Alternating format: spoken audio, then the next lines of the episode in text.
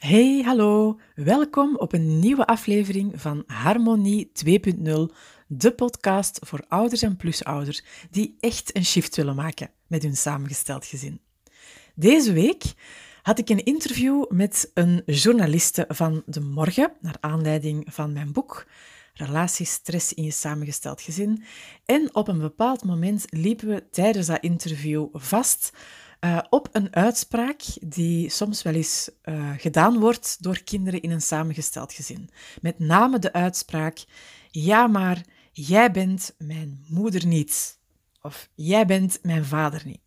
En de journaliste die vroeg aan mij: Cindy, hoe reageert je daar dan toch op? Stel, uh, je bent een plusouder en het kind van jouw partner slingert die woorden naar jouw hoofd. Jouw, jouw stiefkind wil niet doen wat jij zegt een, een, een weerbarstige puber die zijn neus ophaalt voor het nieuw lief van moeder of vader, of een lager schoolkind dat, dat vindt dat uh, die plusouder zich niet te bemoeien heeft met zijn huiswerk. Hoe reageer je daarop? Hoe reageer je als ouder, hè, als je kind weigert om uh, je partner te aanvaarden? Hè? Als het kind bijvoorbeeld weigert om de gezinsapp te gebruiken en de stiefouder blijft negeren. Als, het, als jouw kind geen autoriteit pikt van jouw partner, dat soort dingen. En toen vroeg ik aan die journalisten van, oké, interessante vraag, maar hoeveel ruimte heb je eigenlijk nog over in je artikel? En je moet weten, uh, ik had met haar al eerder een gesprek gehad en ze had eigenlijk het interview al uitgeschreven, ik had het al nagelezen en ik wist, het is een best lang artikel waar al heel veel in stond en ze had echt de moeite genomen om tot de kern te komen en een aantal basisdingen te beschrijven. Dus ik wist, ja, er kan niet nog heel veel ruimte over zijn. Ja, zegt ze, ik heb nog wel één paragraafje, misschien twee max. Uh, ja, zei ik haar van, kijk, weet Ehm, ik heb een passend antwoord op die vraag en dat antwoord is eigenlijk zelfs heel kort. Maar ik weet uit ervaring dat mensen met dat antwoord niks gaan kunnen. Hè, dat er nieuwe vraagtekens gaan, gaan oprijzen. Dat, dat het dus eigenlijk niks gaat toevoegen aan uw artikel. Ja, wat is dat korte antwoord dan? vroeg ze mij. Wel, zei ik, als jouw stiefkind aan jou zegt of roept of fluistert, dat jij niet de moeder of de vader bent, dan is dat eigenlijk heel simpel. Hè? Want in principe kun je dan gewoon antwoorden van inderdaad, kind, dat is zo. Ik ben uw moeder of uw vader niet. Want een stiefouder is dat niet. Net zoals een leerkracht, een buurvrouw, een oom of een tante ook geen moeder of geen vader is van het kind. Ja, zei die journaliste toen van ja, maar ja, wat kan je daar nu mee? Ik had dat natuurlijk al voorspeld dat dat ging gebeuren. Wat kan je daar nu mee, zei ze. Want stel, je bent alleen met het kind van je partner, je partner is niet thuis, en jij als plusouder zegt aan het kind van het is nu ondertussen wel eens tijd dat je gaat stoppen met gamen, je schermtijd zit erop, of je moet aan je huiswerk beginnen, of het is bedtijd of iets dergelijks. En stel, je hebt je de hele avond staan uitsloven, je bent bijvoorbeeld eerder van je werk gestopt, je hebt het lievelingsgerecht klaargemaakt um, van het kind in kwestie of van de kinderen. Uh, je hebt niks gezegd over de tafel die niet afgeruimd was, of de schoenen die zijn blijven rondslingeren, of andere rommel die er nog ligt. Dan is zo'n reactie van een kind toch een slag in je gezicht. Dan voelt dat toch als stank voor dank. Ja, antwoordde ik toen, hè, want um, ik snap heel goed dat je dan zo begint te denken van dit is stank voor dank. En ik snap ook uh, dat je daar niet prettig bij voelt. Ik ben ook ervaringsdeskundige tenslotte. Hè? Maar natuurlijk, dat is heel belangrijk, als je vanuit die gedachten en emoties emotioneel gaat reageren, ja, dan leert mijn ervaring met al die ouders en plusouders die ik al heb mogen begeleiden, dat dat u alleen maar verder van huis brengt. Want wat er bijvoorbeeld hier heel gemakkelijk kan ontstaan, is een machtsstrijd. Een machtsstrijd tussen plusouder en pluskind. De plusouder wil dat het kind hem of haar erkent um, in gezag of positie en het kind weigert pertinent dat te doen. Of wat er ook heel gemakkelijk kan ontstaan, is dat er boel komt op het moment dat de partner thuiskomt, dat er ruzie ontstaat in het koppel. Stel bijvoorbeeld, het gaat hier over een plusmoeder. Ze maakt die scène mee met dat kind en dat kind brult dan naar, naar als ze zich heeft staan uitsloven. Je bent mijn moeder niet. En haar man komt thuis, dus de vader van het kind. Wat gebeurt er heel typisch? Hè? Zij loopt af. Ik ga het even plat zeggen. Zij loopt af als een wekker over hoe ondankbaar zijn kind wel niet was. Of zij zegt aan hem, zij eist van hem dat hij zijn kind op zijn plaats gaat zetten, dat, dat hij uh, dat kind gaat bijspijkeren of zoiets. Hè. Of ze zwijgt in alle talen. En, en die man, die ziet dan natuurlijk van, van een kilometer afstand dat er niet niets is, maar dat er wel degelijk een vlieg aan de lamp is. Hè, dus um, uh, en, en ook natuurlijk voor die man, hè, die, die, die als je even voorstelt, hè, je komt thuis, je partner die heeft gebabysit op jouw kind. Um, wat dan natuurlijk voor een ouder in die positie het heel emotioneel maakt, is dat het gaat en over jouw allerliefste geliefde partner, die overstuur is, hè, en over jouw kind. Um, en je was er niet bij. En dat kind moet misschien morgen weer naar het andere huis. Uh, je weet niet wat er precies gebeurd is. Je hoopt natuurlijk, je verlangt natuurlijk uh, vurig hè, dat het ooit wel goed gaat komen tussen die twee. En dan ineens zet je zo uh, ja, getuige van zo'n scène.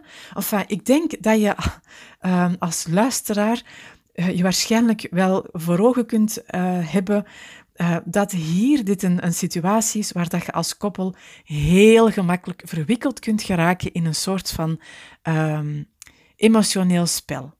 En, en misschien krijgt het kind zo'n emotioneel spel tussen twee partners niet mee, maar misschien ook wel. En in dat geval gaat heel dat emotionele gedoe natuurlijk niks helpen aan de struggles die er al zijn in de stiefrelatie.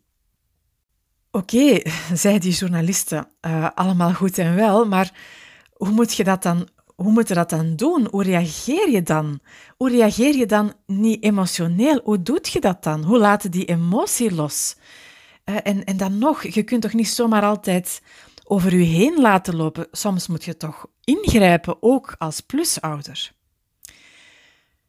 Dat was de setting hè, die ik eigenlijk wilde gebruiken en um, um, waarom dat ik deze aflevering opneem.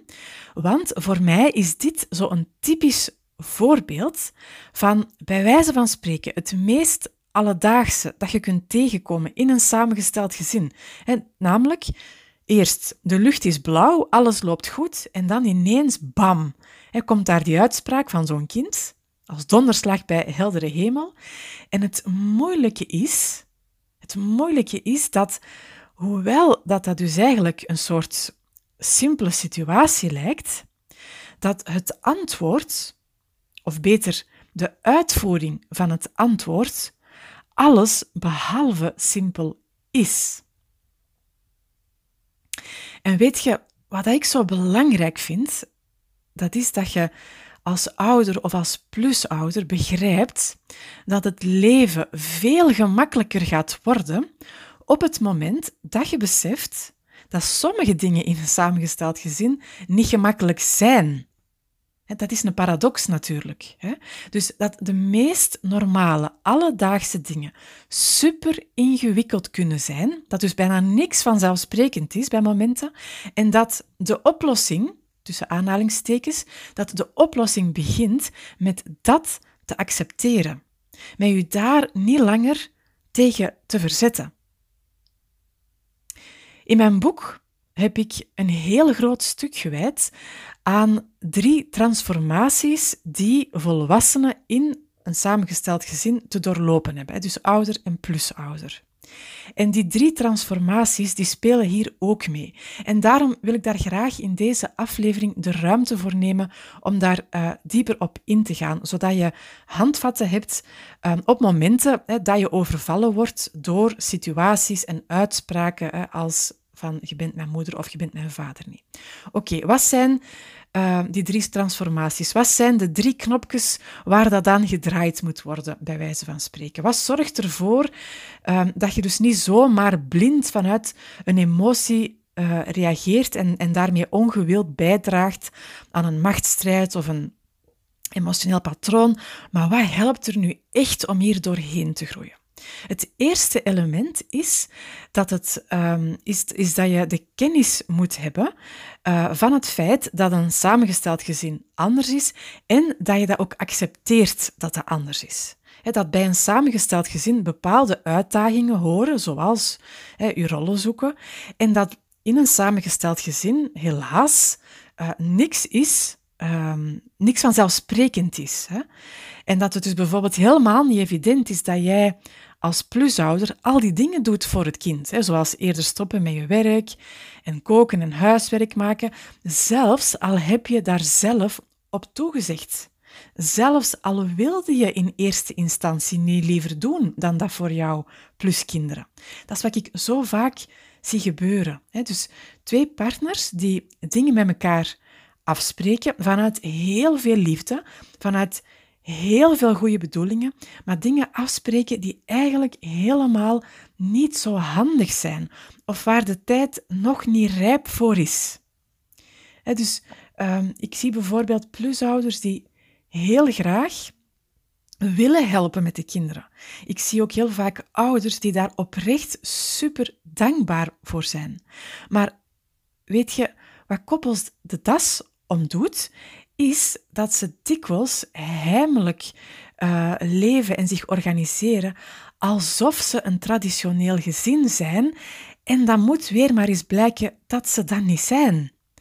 Dat de ene de ouder is en dat de ander de plusouder is, om zo maar iets te noemen.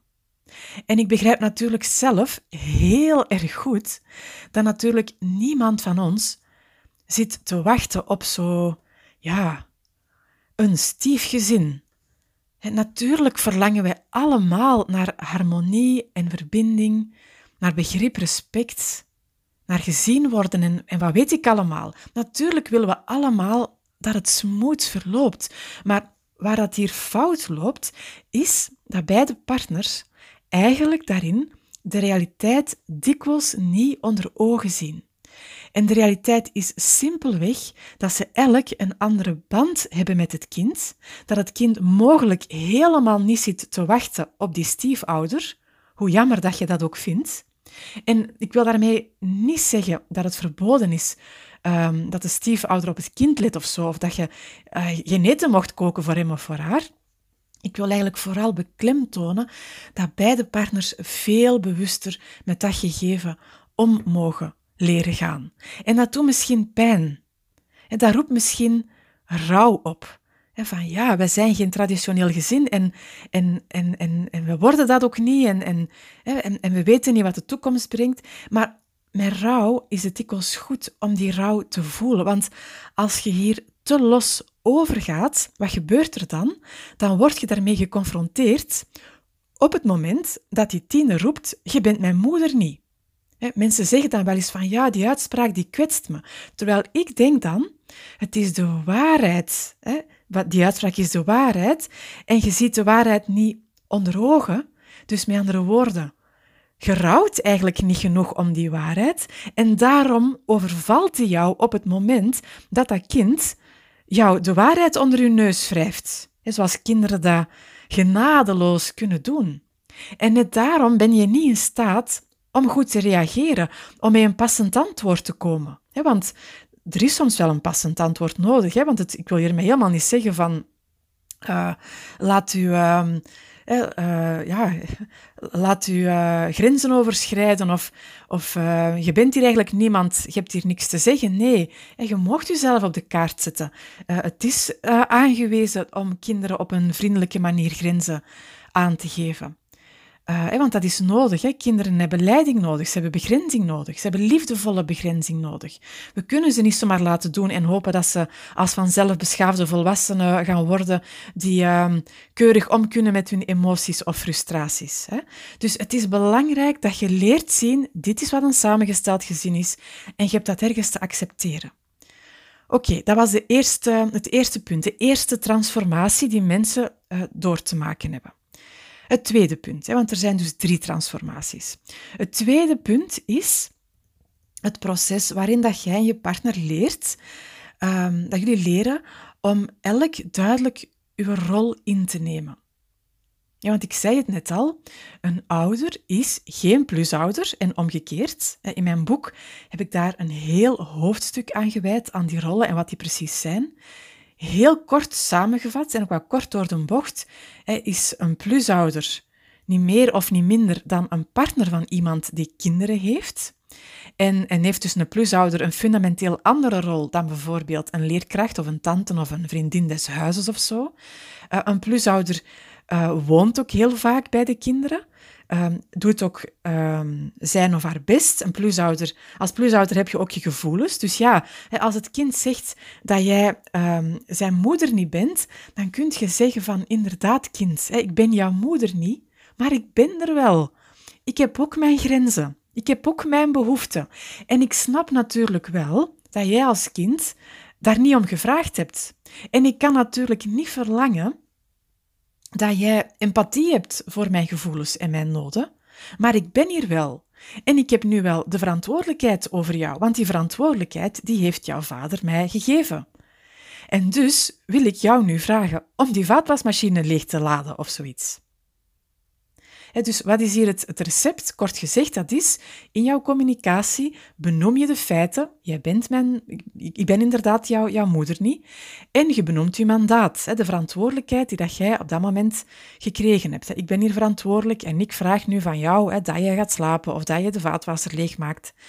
En natuurlijk ehm, is de kous daarmee af? Nee, hè, dikwijls niet. Want dit bij momenten, als je zelf ouder of plusouder bent, dan weet je heel goed, denk ik, dat dit soms aards moeilijk is om te doen. Ook al weet je in je hoofd wel dat dit is wat je te doen hebt, toch lukt dat soms niet.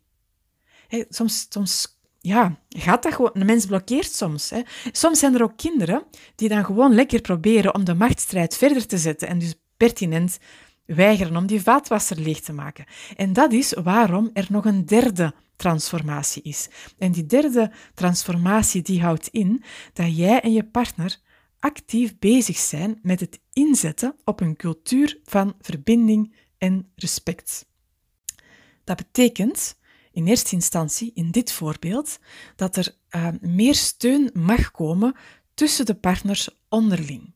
Dat zou hier bijvoorbeeld kunnen betekenen dat als de ouder thuiskomt en er is zo een moeilijke scène geweest, dat uh, de beide partners diezelfde avond of iets later samen een momentje zoeken waar dat de kinderen niet bij zijn, zodat ze op een rustige manier um, ruimte kunnen nemen om aan elkaar te vertellen hoe pittig het is geweest, hoe pittig hun rol is. En natuurlijk niet in een taal die de ander voor een blok zet, die de ander aanvalt, die de ander, waar dat zo'n steek onder water zit, of waar dat zo'n een geheim verwijt in zit. Want dan, ja, dan, dan lokt je natuurlijk bij elkaar uit dat je in het verweer gaat, maar um, dat je aan elkaar kunt uitdrukken hoe pittig het is. Daarmee bedoel ik dat je elkaar inkijk kunt geven in je zorgen, in je gevoeligheden, in de struggles waarmee dat je zit, in de noden. dat je als plusouder even kunt zeggen van, goh, ik vond het echt pittig. Hè? Dit en dat is er gebeurd en dat heb ik gedaan. En toen, en toen kwam die zin van jouw kind van ik ben, ik ben zijn moeder niet. En ik stond even perplex. Ik stond met mijn mond vol tanden. En hè, belangrijk zou hier zijn dat je als plusouder dan aan je partner zegt: Nee, partner, ik verwacht helemaal niet dat jij dit nu gaat oplossen. Uh, of dat jij je magische toverstaf gebruikt om je kind iets anders te doen, iets zien. Maar ik wil dat gewoon even kwijt aan jou. Ik wil dat kunnen delen met jou. Ik wil even kunnen voelen dat je uh, je ergens mogelijk kunt inbeelden, ook al ben jij misschien zelf geen plusouder, dat je dat lastig vindt. Eh, weet dat ik niet jouw kind wil veroordelen of je opvoedstijl wil veroordelen, maar ik wil dat gewoon even kwijt aan jou. Hoe anders zou dat zijn hè, dan, dan wanneer dat zij zucht of eist of brult dat hij er iets aan moet doen. En ook hij langs zijn kant zou hier iets kunnen vertellen in die ruimte die ze samen zo creëren in hun gesprek. Ehm, hij zou iets kunnen vertellen over hoe, over hoe precair dat zijn situatie is. hoe dat hij voortdurend zoekend is uh, naar een evenwicht. Niet als een soort plat excuus waarmee dat hij eigenlijk stiekem um, uh, zijn partner de mond snoert, zo van... Um, dat hij eigenlijk daarmee communiceert van ja, jij mocht het niet lastig hebben, partner, want ik kan niet om. Uh, als jij het lastig hebt, dan kom ik in een lastig parket. Alsjeblieft, bezorg me die last niet. Nee, dat mag niet de ondertoon van zijn boodschap zijn, maar dat hij uh, echt uitdrukt dat hij het oprecht goed wil doen en echt zoekend is. En, en dat hij goed wil handelen en optreden, zowel naar, naar zijn kind als in die partnerrelatie. Met andere woorden, het helpt in die derde transformatie als beide partners leren um, om een andere toon aan te slaan tegenover elkaar. Dat ze echt begrijpen ook wat er aan de hand is. Dat ze begrijpen dat ze elk een totaal andere positie innemen naar hetzelfde kind. Uh, dat de last die ze elk uh, ondervinden van die positie anders is. En dat ze toch op een of andere manier met woorden of in een knuffel of in, in, in de blik in de ogen, in hun aanwezigheid kunnen voelen van ja, ik snap dat jij in een lastige positie zit. Zodat ze elkaar kunnen steunen, zodat je je als partner ook begrepen kunt voelen. Dat gaat een beetje voor ontspanning zorgen in je lichaam. Laat ons ook niet vergeten, daar gaat het uiteindelijk om. Een samengesteld gezin is eerder een soort van complexe partnerrelatie. Dus het is ook ontstaan hè, omdat jij en je partner samen een relatie willen. Dus het is zo belangrijk dat jullie elkaar ook op dat vlak leren vinden. Oké, om nog even volledig te zijn in die derde uh, pijler, als het gaat over verbinding en respect, dan is het in dit voorbeeld hè, van uh, een kind zegt van je bent mijn moeder of mijn vader niet en ik weiger die vaatwasser leeg te maken omdat jij tegen mij zegt, um, dan kan het natuurlijk ook aan de orde zijn dat je als ouder um, uh, jouw rol oppakt en op zoek gaat uh, in een verbindend gesprek met je kind van hé, hey, wat speelt hier nu eigenlijk allemaal? Hè? Van um, um, hoe zit dat met je vaatwasser? Hoe zit dat met die, die weigering van jou om dat in te laden of uit te laden? En wat, dat je als ouder ook het gesprek aangaat, de conversatie aangaat, zodat je um, tot de betekenis kunt komen. Maar wat betekent dat nu eigenlijk als het kind zo reageert? Want kinderen die hebben betrokkenheid nodig. Ze hebben het begrip nodig van de ouder. Ze hebben ook de erkenning nodig hè, dat, dat het allemaal niet evident is, dat het voor hen ook niet gemakkelijk is, dat er veel veranderd is. Ze hebben erkenning nodig van inderdaad, hè, de plusouder is de ouder niet. En kinderen hebben ook sturing en grenzen nodig. Hè. Ze mogen leren hoe dat ze anders kunnen reageren als ze iets niet leuk vinden. Ze, ze mogen leren dat ze minstens beleefd kunnen blijven. Dus er zijn wel wat gesprekken nodig. Ja? En soms is een gesprek genoeg uh, en soms is het nodig om bijvoorbeeld naar aanleiding van al die gesprekken te concluderen, oké, misschien moeten we een aantal dingen uh, anders organiseren. Voilà, drie transformaties dus.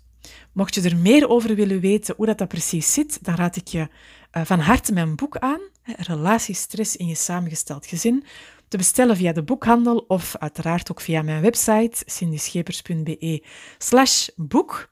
Misschien um, klinkt dit allemaal heel ingewikkeld en heel omslachtig en denkt, uh, zit je met je handen in het haar en denkt je, oh my god, als uh, zo'n simpele uitspraak al zoveel transformaties nodig heeft, misschien ga ik dat wel niet kunnen. Uh, en weet, kijk, het, ik, ik, ik, laat ons een kat een kat noemen. Het samengestelde gezinnen, die zijn soms ook echt niet gemakkelijk. Mijn moeder die zei soms vroeger, ja, het is niet gemakkelijk, maar het is moeilijk, maar moeilijk gaat ook. En, en daarom wil ik ook met deze aflevering jou een hart onder de riem uh, steken en jou aanmoedigen uh, om toch Um, al was het in het begin met lood in je schoenen, om toch aan het werk te gaan en niet te blijven mokken en, en, en, en gekruiste armen in de zetel te zitten, simpelweg blijvend dromend uh, dat het simpeler zou moeten zijn, terwijl het dat niet is. Um, weet ook dat het niet altijd moeilijk hoeft te zijn, dat het niet altijd moeilijk blijft, weet ook dat uh, het soms ook zelfs heel gemakkelijk kan gaan, zelfs na emotionele conflicten. Hè, dat je die drie transformaties zelfs in ene zin uh, vervat kunt hebben. Um, goed, dat leidt me nu een beetje te ver voor deze aflevering. Um, in mijn boek heb ik daar een voorbeeld van opgenomen. Um, kortom, je begrijpt denk ik na deze hele uh, uitleg, hopelijk, dat um, dat natuurlijk niet paste hè, in zo'n één paragraafje van de journalist. Uh, wat ze er uiteindelijk van gemaakt heeft, hè, dat zal je uh, in de krant lezen. Ehm, aanstaande zaterdag, denk ik, in de morgen zou dit artikel verschijnen. Vond je deze aflevering interessant? Uh, dank je wel dan alvast om, jou, om je te abonneren op mijn kanaal. Um, het bij voorkeur natuurlijk liefst vijf sterren te geven. En ja, vertel door hè, aan mensen die ook in deze situatie zitten, dat deze podcast bestaat. Daar doe je hen een plezier mee en daar doe je ook mij een plezier mee. Heb je hulp nodig? Uh, surf zeker naar mijn website cindyschepers.be slash aanbod. Daar lees je hoe je uh, door mij verder geholpen kan worden. Ik wens je verder een hele fijne dag.